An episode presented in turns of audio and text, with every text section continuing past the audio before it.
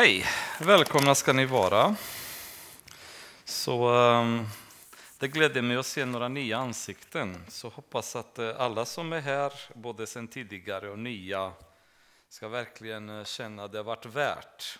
Att det har varit en eh, kväll med bra, bra budskap från Herren och inga budskap från George Dobre.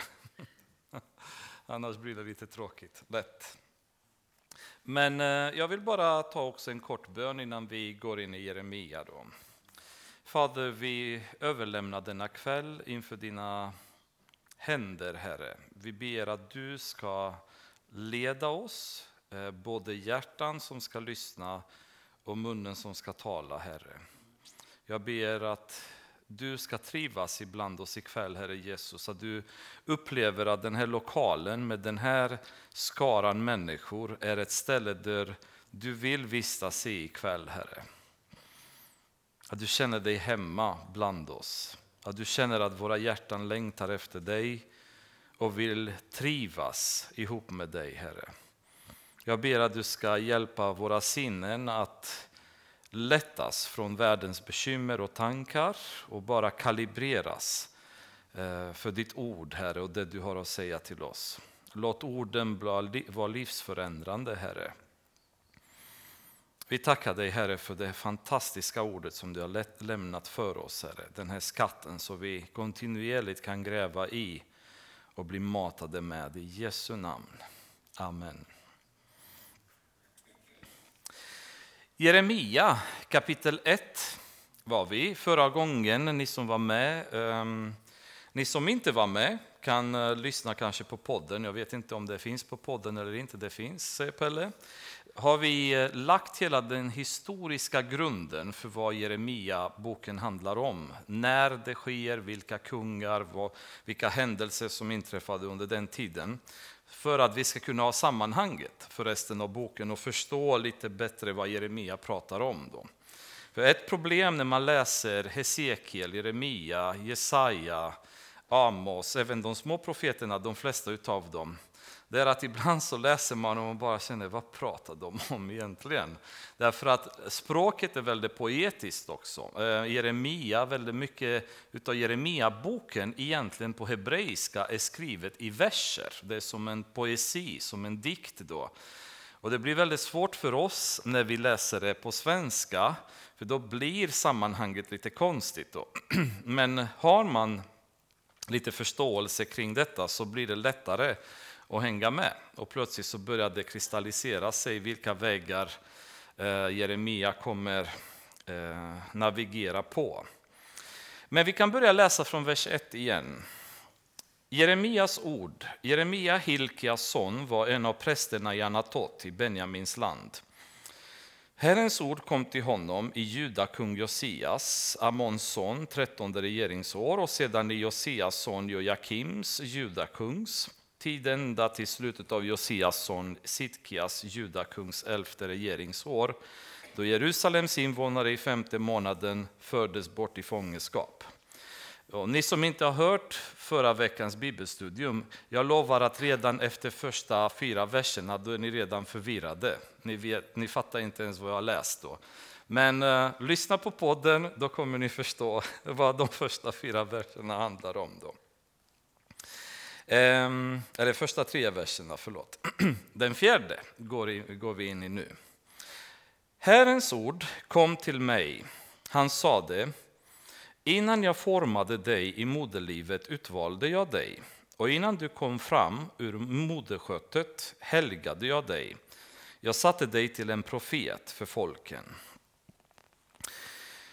Ehm, skulle ni vilja läsa eh, först, eller femte Moseboken, om vi öppnar där, eh, 18 kapitlet. Innan vi börjar så kan vi ha en intressant grej att eh, fundera på. 18 kapitlet från vers 15.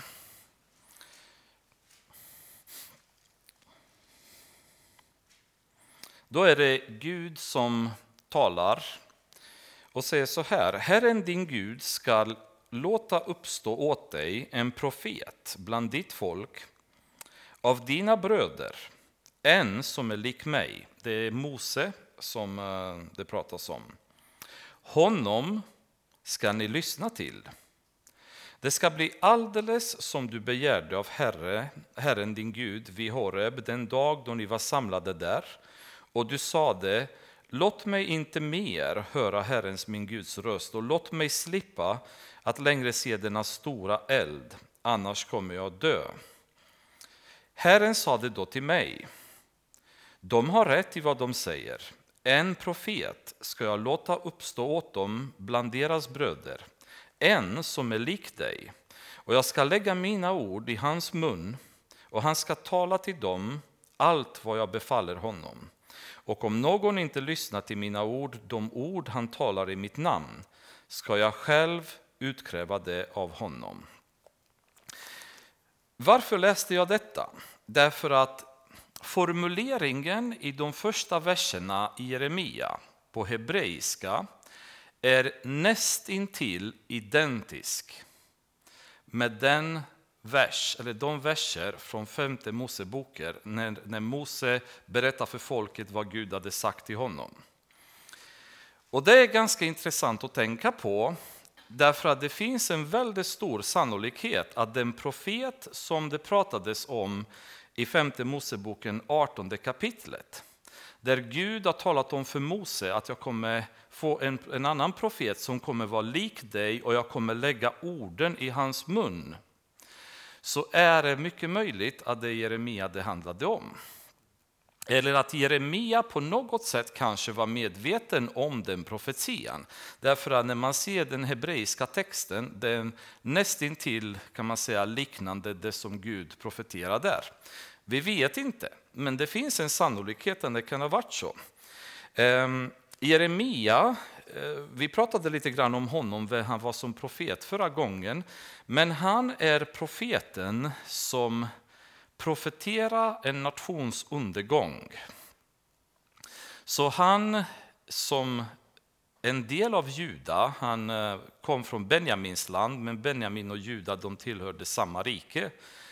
Han som en del av Juda kan nu berätta för folket att det här riket kommer, kommer försvinna. Det kommer bli slutet för Juda, kungariket. Och det är inte jättetrovärdigt att säga det och därför har han väldigt svårt att övertyga dem om det därför att de upplevde själva att de hade det ganska så bra. Och jag kände lite grann att om någon skulle resa sig i Sverige nu och profetera att Sverige om ett antal år kommer besegras av Ryssland och ryssarna kommer jämna Stockholm med marken och folket kommer fördrivas från Sverige Ungefär om vi tittar på avståndet mellan Jerusalem och Babylon, det är ungefär som avståndet mellan Stöpen och Sankt Petersburg och säger att de kommer att ta svenskarna och fördriva dem till Sankt Petersburg där de får leva efter ryskt vis. Vi kommer förbjudas att ha vår lutherska religion eller pingstvänner eller vad som helst, tvingas till rysk ortodoxi och så vidare. Vi skulle nu känna att den här personen är rätt så psycho, det finns inte en chans, det här kan inte hända. Varför skulle det förresten? Och det är lite den situationen där Jeremia kommer att börja under Guds ledning predika det faktum att Juda kommer falla. Vi såg förra gången att Israel, alltså det norra riket, hade fallit för 200 år sedan, eller 200 år tidigare under Assyriska imperiet. Och han säger nu kommer det hända samma sak och han upprepar det gång på gång på gång. Eh, ganska så tråkig uppgift att behöva predika nationens undergång och säga att det här är slutet och dessutom har han fått leva att se det hända också.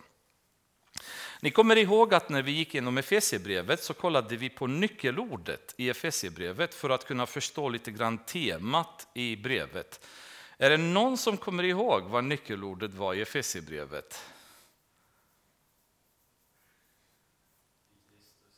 Yes, i Kristus.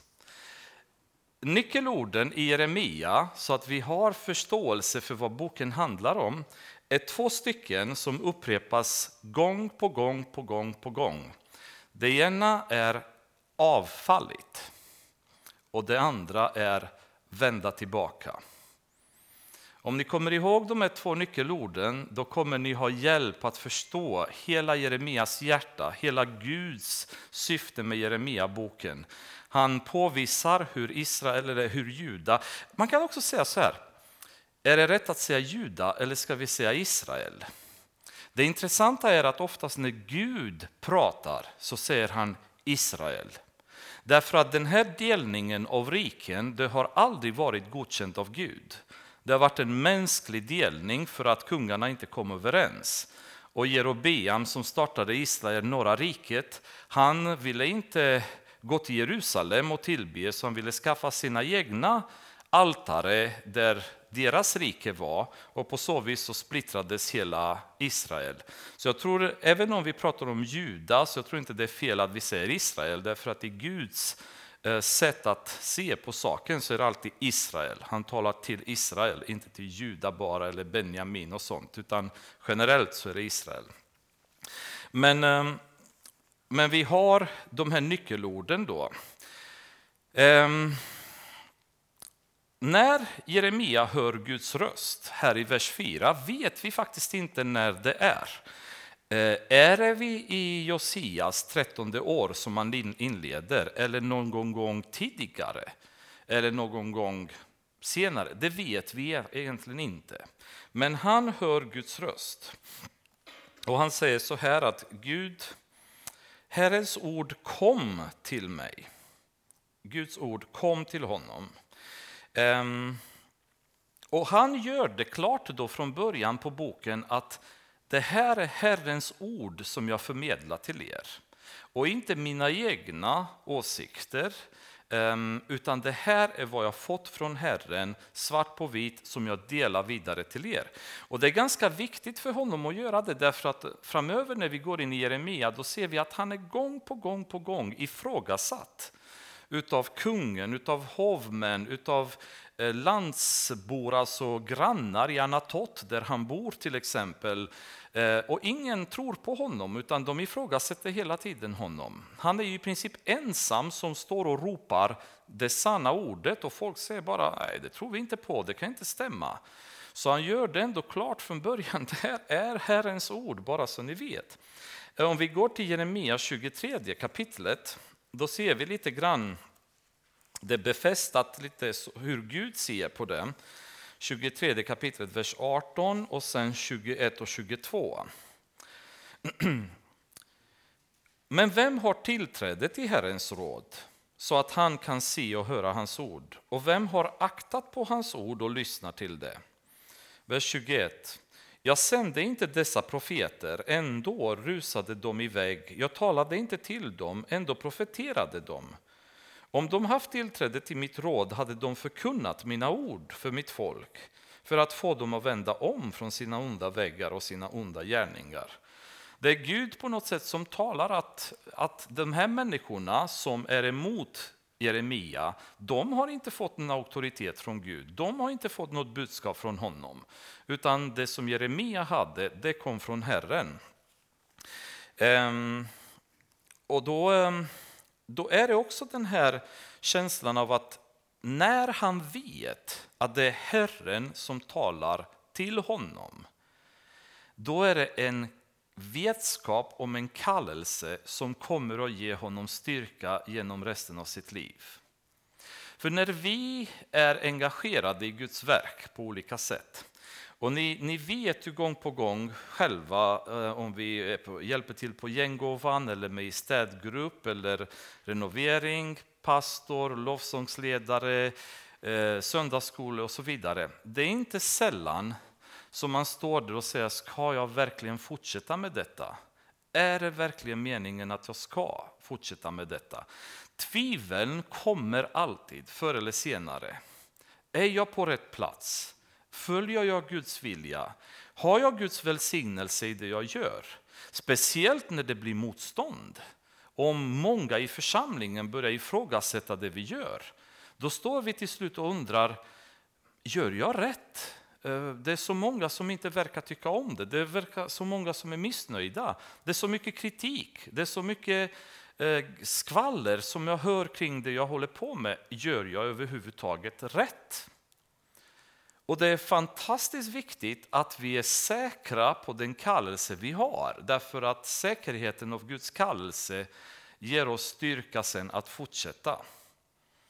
Och är vi inte säkra på det, det är då tvivlen kommer, det är då utbrändheten dyker upp, det är då vi ger upp halvvägs för att vi, vi vet inte, vi orkar inte um, och bara vi ger upp. Och vi känner bara att det är så skönt att bara slippa. Men är vi medvetna att vi är kallade av Gud till uppgiften, då vet vi att då kan vi bara fortsätta och pressa och pressa och pressa oavsett allt oljud runt omkring oss som är menad att skrämma oss och, och få oss att, eh, att dra åt fel håll eller vända tillbaka, utan vi bara kör framåt för vi vet att det här har Gud kallat mig till. Det kvittar vad alla andra säger. Och det är jättehäftigt där Jeremia börjar och säga Herrens ord kom till mig. Och det är ju ganska så klart. Har Herrens ord kommit, då är det bra att lita på det där som kommer. Innan jag formade dig i moderlivet utvalde jag dig. Och innan du kom fram ur moderskötet helgade jag dig. Jag satte dig till en profet för folken. Om vi tittar i eh, Domarboken, vi ska läsa några verser bara så att vi eh, ser några liknande fall av människor som har kallats av Gud på precis samma sätt.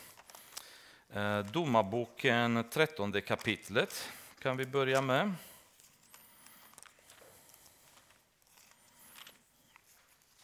Jag kan läsa vers 5 till 7. Ty, se, du ska bli havande och föda en son, och på hans huvud ska ingen rakkniv komma. Till pojken ska vara en Guds nasir, redan från moderlivet. Han ska påbörja räddningen av Israel ur filistiernas hand. Då gick hustrun in och berättade detta för sin man och sade, en Guds man kom till mig, han såg ut som en Guds ängel, mycket fruktansvärd. Jag frågade honom inte var han, varifrån han var och han lät mig inte veta sitt namn. Han sade till mig, se du ska bli havande och föda en son.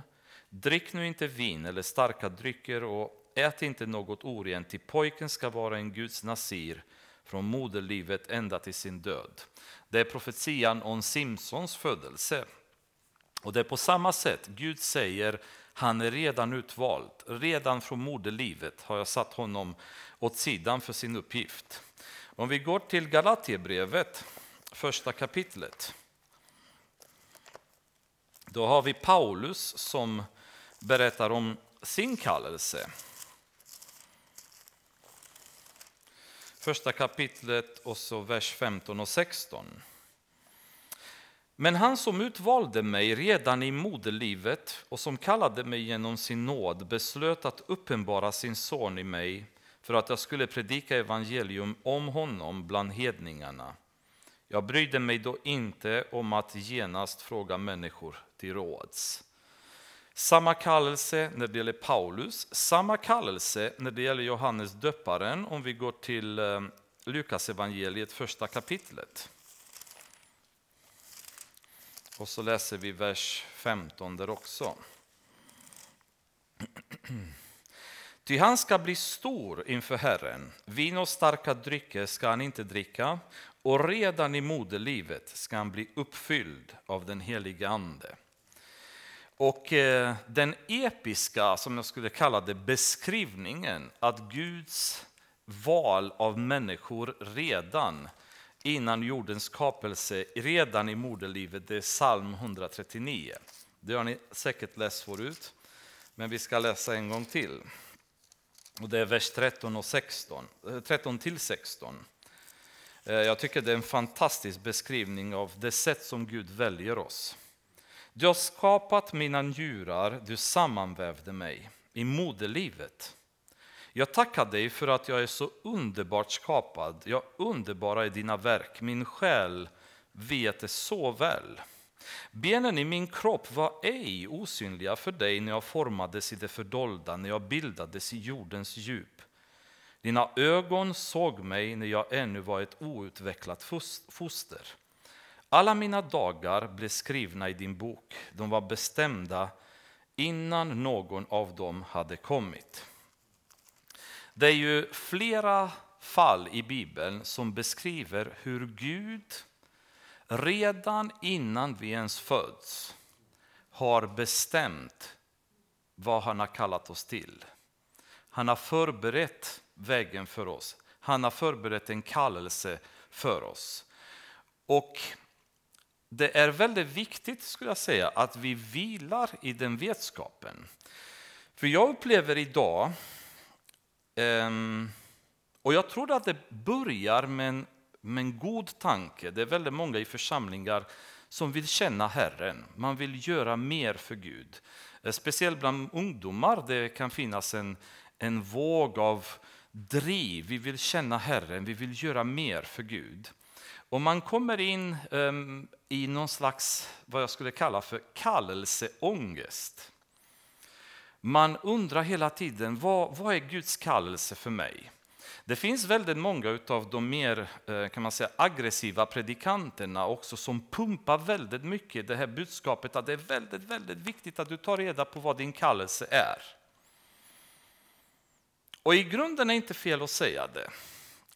Grejen är bara att Gud har inget intresse att dölja sin kallelse för oss.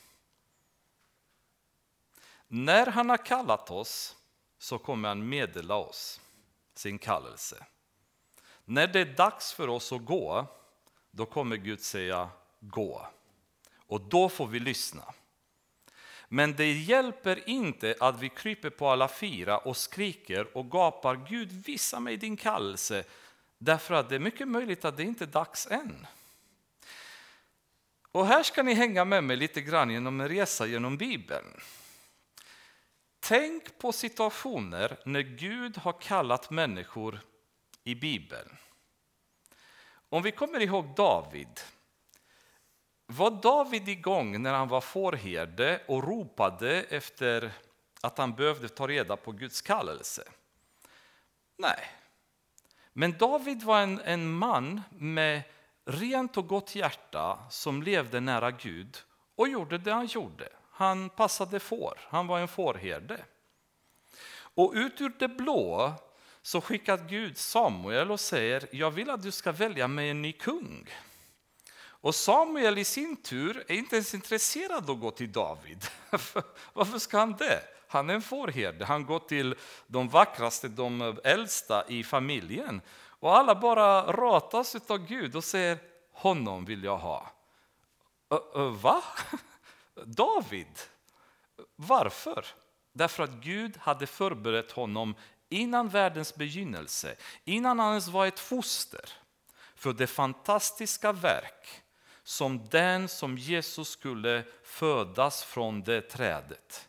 Det var Guds beslut. Det kunde David inte ha en aning om, han hade aldrig drömt om något liknande och inte heller hade han bett om det. Utan det är Guds, i sin auktoritet och makt har bestämt, han ska jag välja. Ni kommer ihåg Gideon som kämpade mot moabiterna. Han eh, får besök av Guds ängel.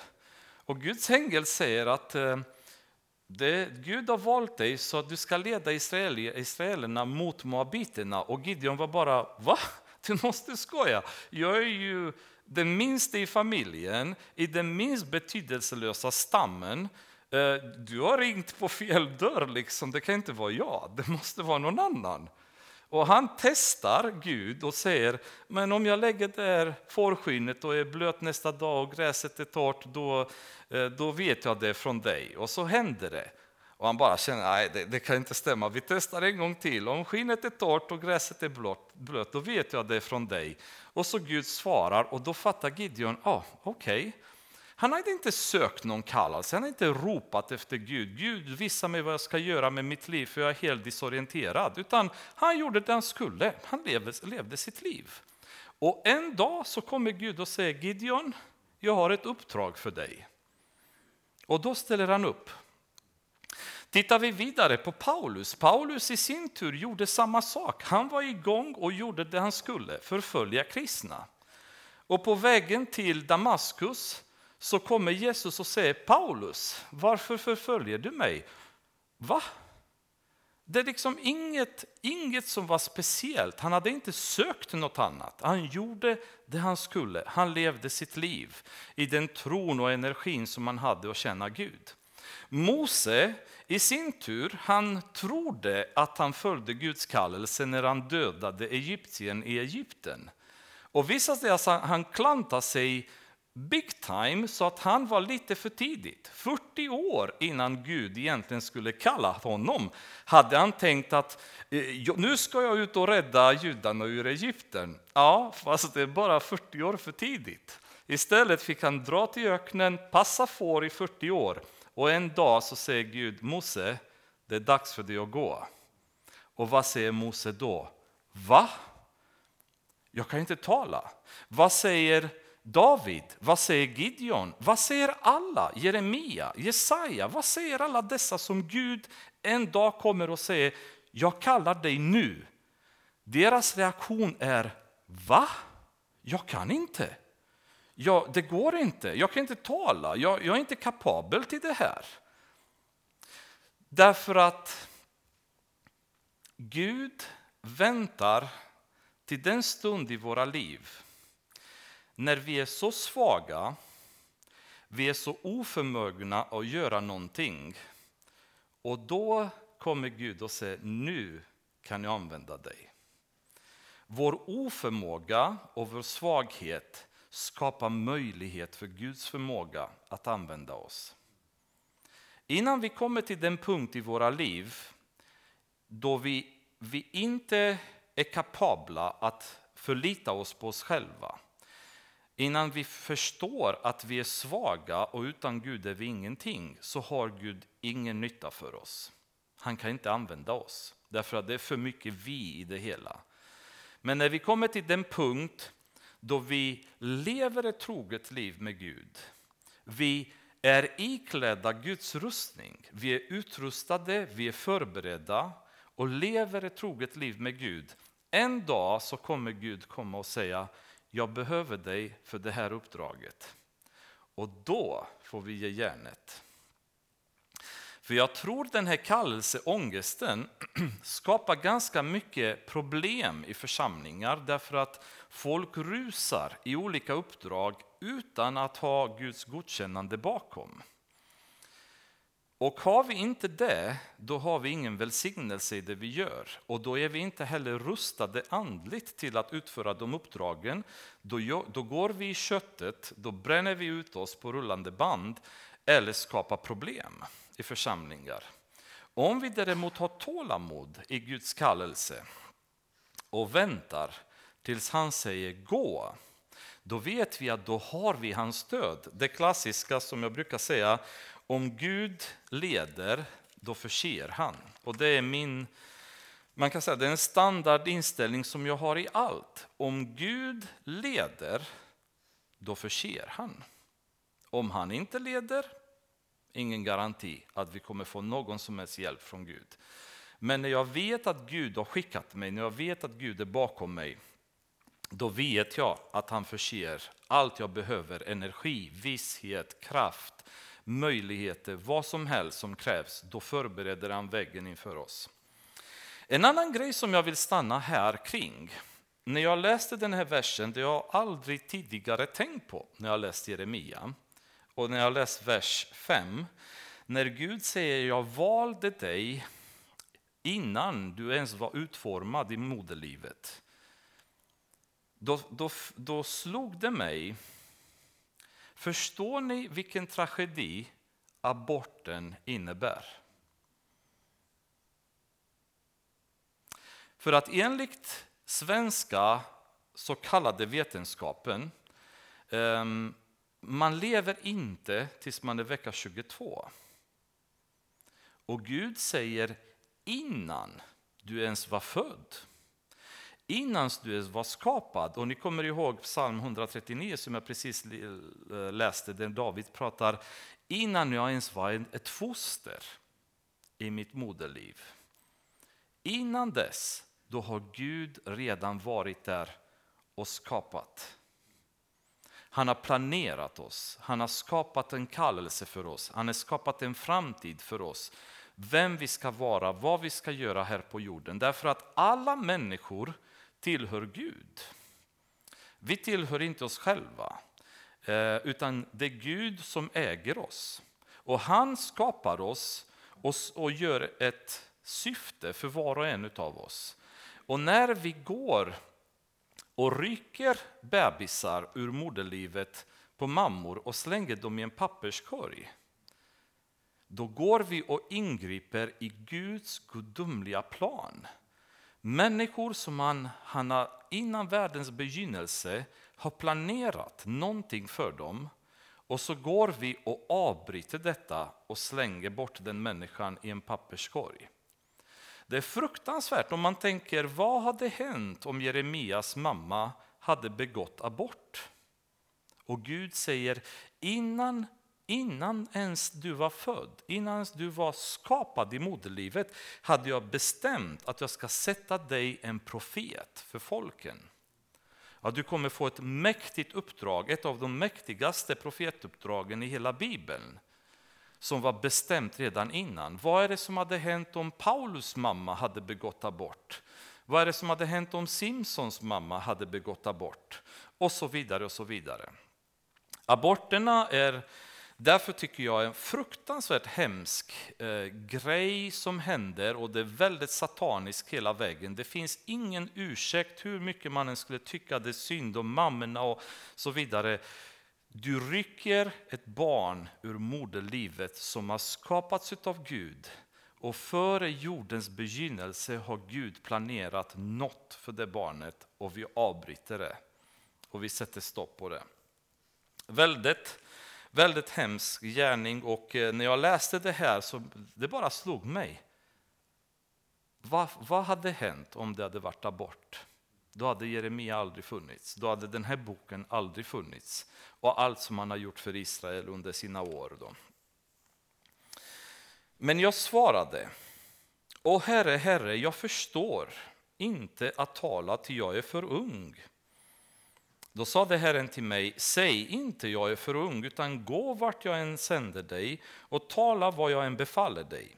Frukta inte för dem, ty jag är med dig för att rädda dig, säger Herren. Och Herren räckte ut sin hand, rörde vid min mun och sade till mig, se, jag lägger mina ord i din mun. Jag sätter dig idag över folk och riken för att du ska rycka upp och bryta ner, förgöra och fördärva, bygga upp och plantera. Jeremias första reaktion är, jag är för ung, jag klarar inte det här.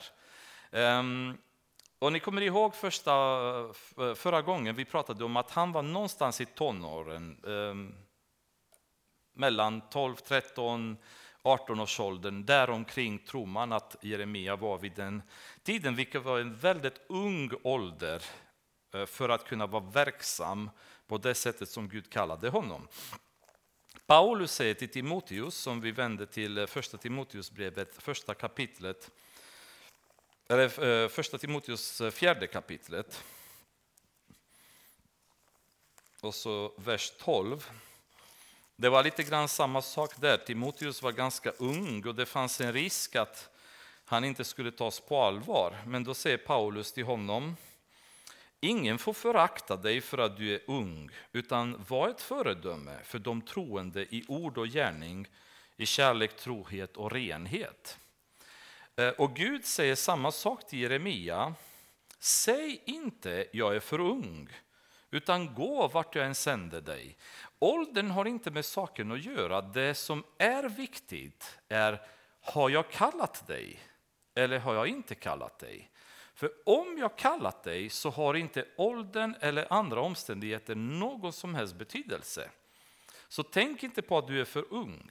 Men den intressanta reaktionen av de här människorna som är kallade av Gud i Bibeln, det är oftast den här inkapaciteten att göra något.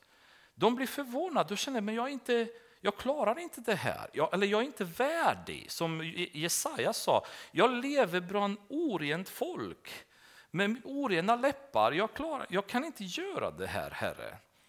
Och då var Herren tvungen att ta ett kol och bara göra honom ren för att han ska kunna verka. Men, men känslan när de sitter inför Guds majestätiska plan så blir det oftast, jag klarar inte det här. De människor som, som tror eller som tycker att de klarar det, um, troligen förstår inte riktigt Gud, kanske till och med inte ens lever nära honom. Paulus säger i andra, andra Korintierbrevet, 12 eh, kapitlet så här. Och återigen, om någon hade klarat det så är det Paulus på egen maskin. Men han, eh, han säger så. Min nåd, Gud svarade Paulus när han ropade att han skulle få hjälp. Han säger till Paulus, min nåd är nog för dig, till kraften fullkomnas i svaghet. Därför vill jag hellre berömma mig av min svaghet för att Kristi kraft ska vila över mig. Så glädjer jag mig över svaghet, misshandel och nöd, över förföljelser och ångest eftersom det sker för Kristus. Till när jag är svag, då är jag stark. När jag är svag, då är jag stark. Idag så upplever jag många gånger när man, eh, när man ser på en del kristna hur de beter sig i kyrkan. Jag har väldigt svårt ibland att få den här känslan av ödmjukhet, att man är bruten, att man är svag. Ehm, utan vi har en ganska så arrogant inställning i det sätt som vi beter oss i församlingarna. Vi upplever oss vara någon slags segrare, vi har koll, vi kan befalla demoner att göra saker, vi kan befalla Gud att göra saker för oss. Vi kan be vad vi vill och, och så ska vi få allt vi ber om. Och det finns en viss arrogans i det hela där jag ibland känner att förstår vi vem vi är? Och vem Gud är? Förstår vi vad små vi är jämfört med vem Gud är? För när jag tittar på, på människorna i Bibeln så ser inte jag de exemplen i Bibeln som jag ser bland en del moderna predikanter idag. Eh, Tv-predikanter i USA och så vidare. Jag får inte ihop, för när jag tittar på en Jeremia som jag måste säga, kanske jämfört med honom så, så ligger vi ganska risigt till, de flesta av oss. Och så ser man på hans inställning, vilken ödmjuk inställning, vilken känsla han har. När man ser på Paulus, vad han har gjort och ändå säger jag glädjer mig över svaghet, misshandel och förföljelse. Det är det jag finner glädje i, för det är då jag blir svag, det är då jag, jag får vara ödmjuk, det är då Herren kan använda mig. Därför att då har jag ingen egen kraft, då har jag ingen egen ork, utan då är det bara helige anden som syns, det är bara han som hörs. Och jag känner själv för min egen del att risken är ju jättestor att man hela tiden tar Guds ära. Att man låter sin egen kunskap, intelligens, förmåga och ta över Guds kraft, Guds förmåga och heliga anden. Och det är ju ingenting som Gud tolererar och faktiskt straffar väldigt hårt enligt Bibeln. Väldigt många gånger så är Gud väldigt, väldigt eh, på direkt när människor börjar ta åt sig äran. Och det är väldigt mycket idag. Jag känner att mycket i församlingar, jag ser inte den här känslan. Alltså även i våra böner, vi har pratat om det tidigare. Det är så många böner som vi har där vi sällan ber Gud om förlåtelse för våra synder. Och i Bibeln, när man lyssnar, alltså när man läser bönerna i Bibeln, om det är något som framkommer oftast, det är ropet till Gud om förlåtelse. För så fort de kommer inför Gud, människorna, de gräver sig i säck och aska och får en kraftig känsla av att jag inte är värdig någonting. Gud, hjälp mig, förlåt mig. Mina svagheter, mina synder. Den inställningen kommer gång på gång på gång. Och Jeremia har exakt samma inställning. Jag klarar inte det här. Jag är för ung. Jag kan inte tala. Men då kommer Herren och kontrar och säger direkt Säg inte att jag är för ung, utan gå vart jag än sände dig och tala vad jag än befaller dig. Och det är ju två väldigt klara budskap. Gå och tala. Så vad du än tycker, Jeremia, har inte med saken att göra. Det jag befaller dig nu, det är gå och tala. Och när Gud säger gå, då måste vi gå. Jona har försökt att inte göra det och det har kostat honom ganska mycket när Gud sa till honom gå och Jona tänkte bara nej det, det där kommer jag strunta i, jag kör något annat, något annat. Det funkar inte. För när Gud säger att vi ska gå, då måste vi gå. Och när Gud säger att vi ska tala, då kommer vi se i kapitel 23 när Jeremia säger att det, det bara brinner inombords om man inte talar. Vad säger Paulus om detta? Ve mig om jag inte predikar evangeliet. Alltså när Gud har talat hon, och tagit honom och sagt Paulus, nu har jag kallat dig och nu ska du gå och predika evangeliet. Paulus säger, ve mig om jag inte gör det. Så inte den här periodaren att ja, jag gör det ibland och ibland gör jag det inte. Jag har lust och ork och så vidare. Utan när vi har fått kallelsen och Gud säger gå och han säger tala, då måste vi gå och då måste vi tala. Annars kommer vi inte ha någon frid. Det kommer vi, inte, vi kommer inte kunna leva med oss själva om vi inte gör det. Och dessutom, så detta karaktäriserar eh, Jeremia eh, väldigt mycket, för han har en fantastisk stil i budskapet då han är rak och han, han levererar sanningarna till kungar och till hovmän helt oomlindat. Utan han bara talar om direkt. Och en, en riktigt cool del som jag gillade, det 37 kapitlet. Jag hade velat se det på riktigt, om man kan sett live den här diskussionen. Eh, kungarna smög lite grann med Jeremia, för de kände på sig att den här, den här profeten har faktiskt en hel del gott att säga, men de ville inte gärna göra det offentligt många gånger, utan de gjorde det i det dolda. De ville snacka med honom. Och då, eh, I 37 kapitlet, vers 16 och 17 kan vi läsa. När Jeremia hade kommit in i fängelsehålan, eh, han brukade vistas ganska mycket på de här ställena, kommer vi se sen, och varit där en lång tid, lät kung Sidkia hämta honom och hemma hos sig frågade kungen honom i hemlighet, så han ville inte göra det för alla andra. Har det kommit något ord från Herren? Så han egentligen visste mycket väl att Jeremia var Herrens profet, men låtsades som inget då. Så i det dolda så går han till Jeremia och säger, har det kommit något ord från Herren? Och Jeremia svarade ja.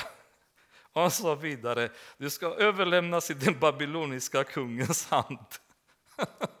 Jag bara tänkte, det är så häftigt. Babylonierna kommer ta dig liksom och du kommer bli fånge inte minst har försökt att uh, linda om det, göra det lite snällt. Att, uh, jag, jag är trots allt det är kungen jag snackar med, jag kan inte, kan inte hålla på sådär. Utan Jeremia säger, ja det har jag fått ett budskap, du kommer vara fånge hos babylonierna. Liksom. Och jag älskar det, därför att när han vet att jag är Guds profet, jag, inte, jag levererar inte mitt egna budskap, mina egna åsikter, mina egna idéer. Mitt enda uppdrag är att tala om för folket vad Gud säger till mig att jag ska säga. Och det är sant och det är oomlindat. Och det tycker jag att vi kan lära oss väldigt mycket när vi pratar evangelisation. För vi är så rädda att predika det rena evangeliet till folket. För tänk om vi skrämmer dem. Tänk om de tycker att vi är fanatiker. Tänk om, tänk om. När i själva verket är Guds ord det bästa vi ska leverera till folket omanipulerat av oss. Så mycket som möjligt citera det så som det står i Bibeln. inte översatt med våra egna idéer och filosofiska begrepp, utan ta det som det är och tala om det för folket direkt, för det är kraft i Guds ord. Det är kraft i ordet. Och när folk hör ordet, då blir deras liv förändrade. Och det är inte för inte vi säger det är kraft i namnet Jesus. Jag har stått och pratat med människor om Gud. Jag har pratat med människor om frälsning. Och jag har själv upplevt att det ögonblicket när jag nämnde namnet Jesus för dem jag pratade med, så kände jag själv hur bara kraften kommer i budskapet. Det är kraft i namnet Jesus, det är kraft i Guds ord. Vi ska inte vara rädda att tala om för folket, så här ligger det till. För tänk om de tycker att vi är fanatiker, tänk om de tycker att jag är lite konstig. De får tycka vad de vill, men vårt uppdrag är att predika evangeliet. Det är det Gud har kallat oss till. Inte eh, linda om budskapet, förvandla budskapet eller urvattna budskapet som det görs väldigt mycket i församlingar idag. Där synden är inte synd, där djävulen är inte djävul längre och så vidare. Ehm, så mycket så att Svenska kyrkan till och med kallar Gud för Sofia för att inte kvinnorna som har haft dåliga erfarenheter med sina pappor ska känna sig kränkta av att Gud är deras fader. Då omnämner vi honom till Sofia och på så vis så skapar vi en känsla av att alla är välkomna och tycker lite mysigt i kyrkan. Det är fruktansvärt att vi ersätter Gud, vi ersätter budskapet men någonting som vi hittar på själva i hopp om att folk kommer tycka om oss och deras öron kommer kittlas av vårt budskap. Det är helt värdelöst, det kommer inte frälsa några liv. Då kan vi lika gärna strunta och gå och spela bowling eller göra något helt annat, för i kyrkan kommer vi inte kunna ha någon nytta av ett sådant budskap. Men evangeliets budskap, det är kraft i.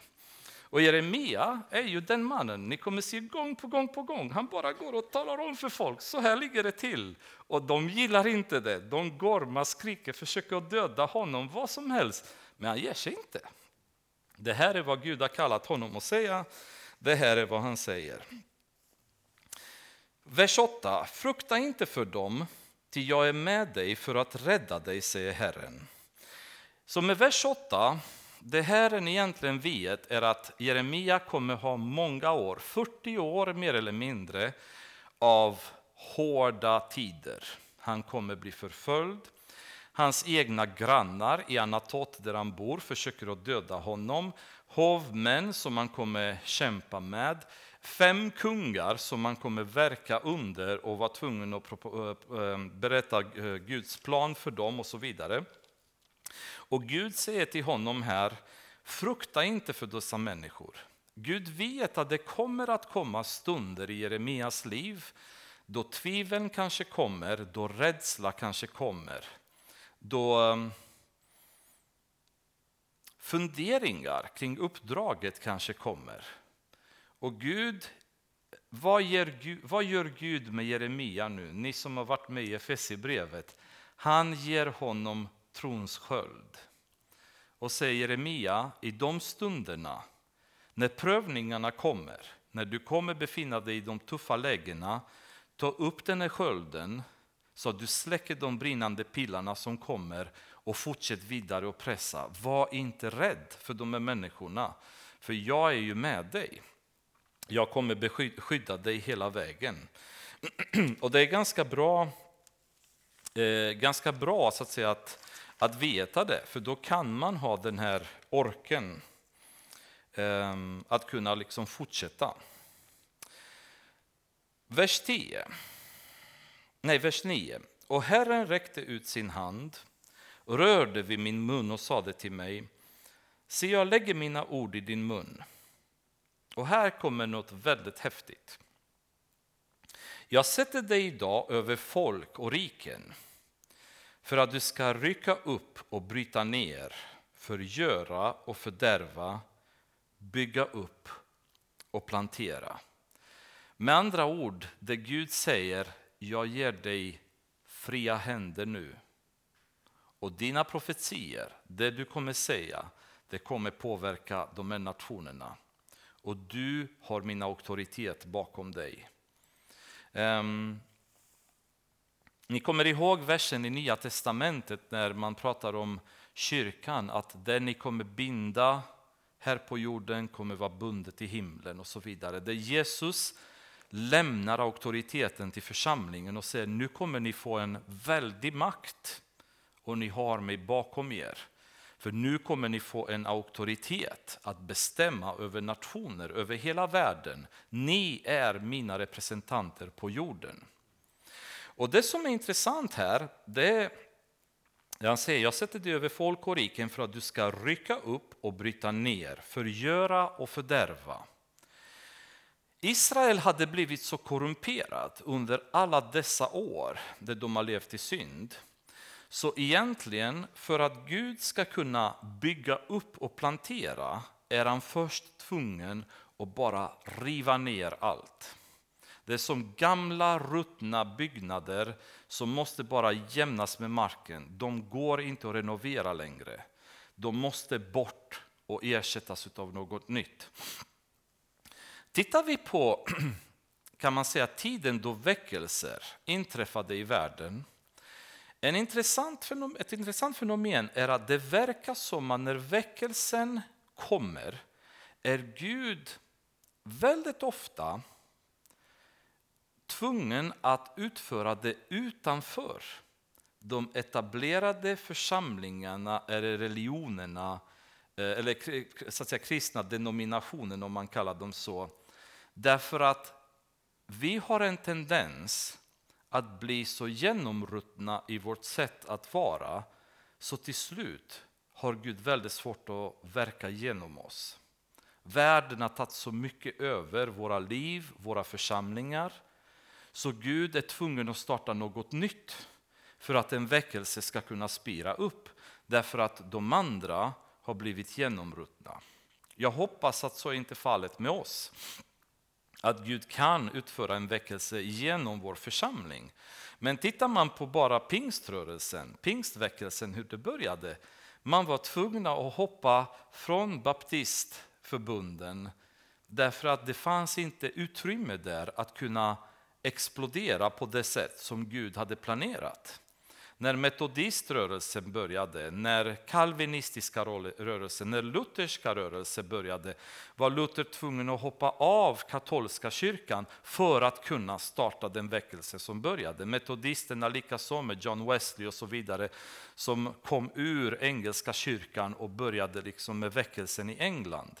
Och det är väldigt tragiskt att kristna församlingen verkar också ha det här sättet som judarna, det vill säga att man glider ifrån Gud mer och mer och mer och mer tills man blir så genomrutten så Gud kan inte verka längre genom de församlingarna och är tvungen att resa någon annan som ska följa hans ord och följa hans vision och hans kallelse och hans vilja och en väckelse uppstår. Jag hoppas att vi som församling tänker på det, att verkligen se till att ger Gud utrymme så att han kan använda oss till att genom oss starta väckelse. För det är den längtan vi har. Eh, vi vill att han ska använda oss, men då krävs det att vi renar oss och vi inte lever i synd och vi inte lever med världen längre utan vi flyttar mer och mer mot honom så att han kan använda kärlen som, som vi är. Då. Vers 11. Herrens ord kom till mig. Han sade, vad ser du Jeremia? Jag svarade, jag ser en gren av ett mandelträd. Herren sade till mig, du har sett rätt. Jag ska va vaka över mitt ord för att fullgöra det. Och det, det när jag läste det så kände jag bara, okej, okay, jag ser en gren av en mandelträd, ett mandelträd och Gud säger, ja, jag har sett rätt. Eh, du, du, nu ska jag vaka över dig. Mm, jag tänkte, okej, okay. Vad betyder det? Ehm, men för, för enkelhetens skull, Anatot, där Jeremia kom ifrån, är fortfarande en ort i Israel och är känd på grund av sina mandelodlingar, även idag. Så varje år, tydligen runt januari månaden, så blommar väldigt många mandelträd där i Anatot. Och det, då börjar det bli lite, man, man förstår lite grann varför Gud använder sig av mandelträd. Men det är också ett ordspel då i hebreiska, därför att mandel på hebreiska säger man shaked och vaka säger man shoked. Så det är ett ordspel där Gud säger att mandelträdet det är ett bevis på att jag kommer vaka över er. Och vers 11 och 12 skulle jag säga är hela bokens tema. Jag kommer vaka över er. Under alla dessa år då Jeremia kommer vara aktiv och profetera så vad Gud vill säga är ha det i åtanke att jag är hela tiden bakom och jag kommer hela tiden vaka över er. Och det är den tryggheten som också han förmedlade till oss väldigt många gånger, Jesus framför allt, när han säger jag är med er hela tiden. Men visst glömmer vi bort det. När vi blir rädda och vi blir skraja och vi blir ångestfyllda och så vidare, vi glömmer bort att han säger jag är med er hela tiden. Jag kommer skicka mina änglar att bära er så att inte era fötter når marken ens. Oh, men det har jag glömt bort när det blir jobbigt. Um, och det är ju det temat som redan i början Gud vill, vill att de ska veta. Jag kommer vaka över er under alla dessa händelser som kommer inträffa. Vers 13. Herrens ord kom till mig för andra gången. Han sade, vad ser du? Jag svarade, jag ser en sjudande gryta. Den lutar hitåt norrifrån. Herren sade till mig, från norr ska olyckan välla in över alla som bor i landet. Så jag ska kalla på alla stammar i riken norrut, säger Herren. De ska komma och sätta upp var och en sin tron vid ingången till Jerusalems portar och vid dess murar runt omkring och vid alla judastäder. Jag ska avkunna mina domar mot dem för all deras ondska därför att de har övergivit mig och tänt rökelse åt andra gudar och tillbett sina händers verk. Med andra ord, det är första bilden av den invasion som kommer att ske.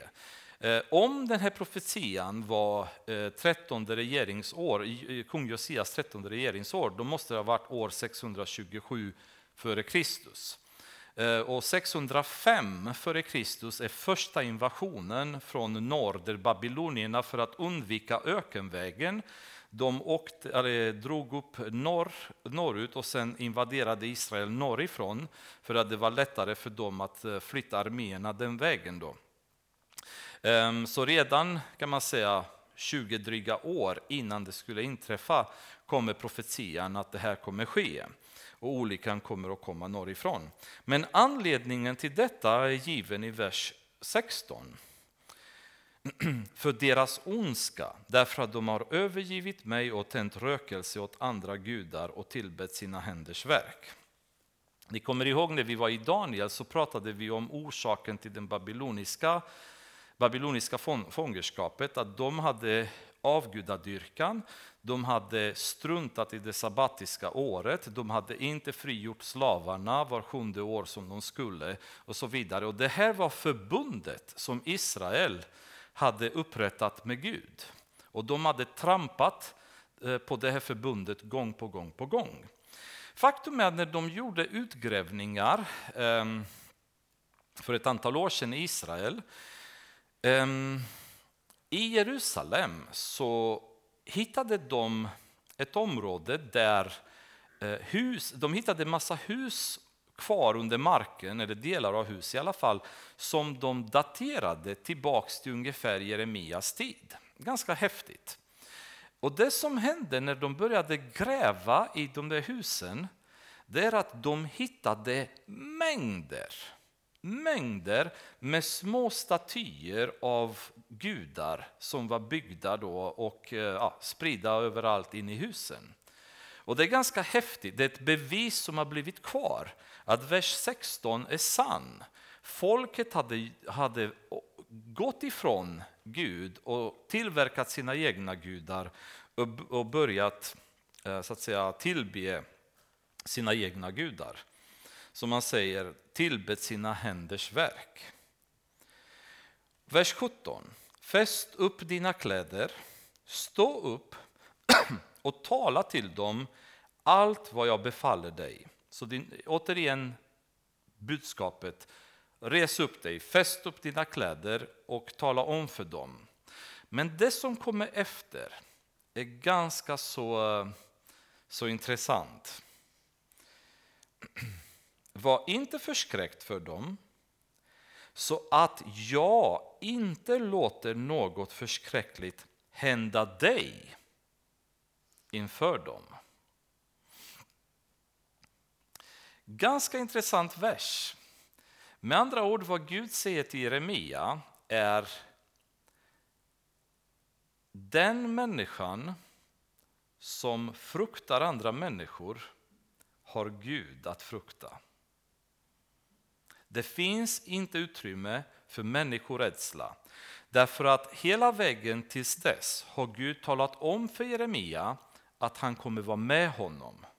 Han kommer hjälpa honom. Han ska inte vara rädd för andra människor. Och Gud säger, om du däremot kommer vara förskräckt för dem, så kommer jag, jag låta något förskräckligt hända dig. Och då tänkte jag bara, oh, har inte vi också fått det budet att vi inte ska vara rädda för människor? Och vad rädda vi är för dem hela tiden. Vad svårt det är att predika evangeliet för någon annan, för vad kommer de säga? Tänk om de säger något konstigt, om de tycker något konstigt om mig. Människorädsla paralyserar oss i vår verksamma kristna liv. Skammen inför andra människor och inte bli utskrattade. Att de inte tycker att vi är konstiga. Hur ska vi, vi kan inte göra det, de, de gillar inte sånt. Vi måste ta hänsyn, de har sitt sätt att vara och vi kan inte tränga på. Och Gud säger, om du kommer vara rädd för dem, då kommer jag låta något förskräckligt hända dig inför dem. Det är ganska så, så starkt och det är därför jag sa till er även förra veckan, alltså Jeremia har inte haft ett lätt liv. För Guds krav på honom har varit så höga. Samtidigt som Gud säger jag kommer vara med dig, jag kommer stöta dig, men han ställer krav på honom. Och idag så tror vi kanske att Gud tillåter oss att göra precis som vi vill för att han är vår far, han älskar oss, han tycker om oss ändå, han fattar att vi inte klarar så mycket och han är snäll. Men han är också rättvis. Och Gud har också en rättfärdighet som kräver ett visst beteende och uppträdande från oss som kristna. Och vi är allt för mycket rädda för människor och glömmer bort att vi har Gud bakom oss. Vi ska inte vara rädda för människor. Och läser vi, tittar vi på Paulus till exempel, alltså det man ser hos honom, människorädslan, fanns inte i den människan. Det fanns bara inte i honom. Han, han bara malde på. Det kvittar om man stod inför Caesar, inför eh, de eh, judarna i Jerusalem. Var de släppade honom så bara rusar han fram med evangeliets budskap och talar om för dem hur det låg till. Och tittar vi sen på Jeremia så ser vi samma inställning, samma attityd. Ser vi på Daniel som vi har gått igenom, samma inställning. Han var ju under Nebukadnessar, han var under Korosh, han var under Dariaves, stora kungar som vi läser om i historien. Han stod inför dem och inte kompromissade. Han var inte rädd för människor. Men det var människor som hade levt så nära Gud så de förstod vad det innebär att ha Gud med sig när alla andra är emot sig. Det spelar ingen roll hur många är emot mig, det spelar ingen roll hur många inte gillar mig. Om, jag, om Gud bekräftar det jag gör, då är inte jag rädd. Då kan jag gå fram. Så jag hoppas att Gud ger oss den här känslan av närvarande, att vi förstår att han är med oss. För vi, vi känner inte det. Ehm, och jag tror inte det ska vara känslobaserat heller, jag tror att det ska vara intellektbaserat. Vi vet att han är med oss. Ibland så känner vi honom med oss, ibland så känner vi inte med honom. Ni kommer ihåg det stegberättelsen att vi ser bara en rad eh, fotspår och vad tog de andra vägen? Alltså ibland ser vi honom, ibland ser vi inte honom. Men här vet vi att han är alltid med oss. Och när vi inte känner, då går vi med vad hjärnan talar om för oss och vi fortsätter och går fram på samma sätt. För om vi, om vi förlitar oss på känslolivet, då blir det ganska så mycket upp och ner hela tiden. Men om vi vet här uppe att han är med oss, då, då håller vi fast vid det även när vi inte känner. Vers 18. Se, jag gör dig idag till en befäst stad, till en järnpelare och en kopparmur mot hela landet, mot judakungar, dess furstar och präster och mot folket i landet. De skall strida mot dig, men inte bli dig övermäktiga. Jag är med dig, säger Herren, för att rädda dig. En fantastisk avslutning på det här kapitlet. Alla kommer vara emot dig Jeremia. Ganska uppmuntrande kallelse, eller hur? Du ska bara veta, alla kommer vara emot dig. Men jag kommer vara med dig hela vägen Jeremia. Det enda du behöver göra, det är gå vart jag än sänder dig och tala vad jag än befaller dig. Resten sköter jag. Och visst är det så att vi har glömt detta när vi är kristna. För vi tror att det är vi som ska frälsa människor. Det är vi som ska förändra samhällen och vi blir väldigt frustrerade när vi inte klarar av att göra det. Men det är ett uppdrag som Gud har aldrig någonsin gett oss. Men Guds uppdrag för oss är gå i hela världen och predika evangeliet. Allt annat sköter han. Vi har tagit på oss i vår arrogans Guds uppdrag. Vårt uppdrag är bara att tala det som han har sagt till oss att vi ska tala. Resten kommer han göra. Han är mäktig, han har sina änglar, han har sin timing, han har sin planering och han vet vad han gör. Det enda som vi behöver göra, det är som Paulus säger, predika evangeliet i tid och i otid. Låt inte munnen vara stängd, bara ös på med budskapet oavsett när och oavsett, oavsett vilket sammanhang ni befinner er i. Resten sköter Gud och vi har hans hjälp hela vägen. För han som är med oss är starkare än han som är i världen.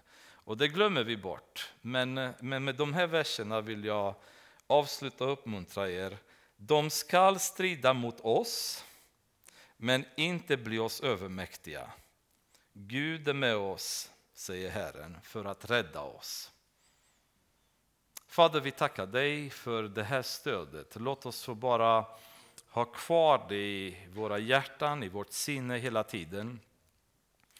Leva under ett ständigt närvarande av, av dig, Jesus. Så att vi förstår att du är verkligen hela tiden med oss. I allt, överallt. Låt oss inte bli rädda längre, utan låt oss få bara förlita oss på dig. Låt oss få öppna munnen, våga öppna munnen och predika evangeliet. Det glada budskapet för människor som behöver höra. Inte behöva tänka på hur de tar emot det, om de blir frälsta eller inte frälsta, utan förlita oss på att du vet vad du gör, Herre. Ge oss kraft och hjälp oss att kunna göra det. Kunna vara trogna tjänare, Herre, i ditt rike. Amen.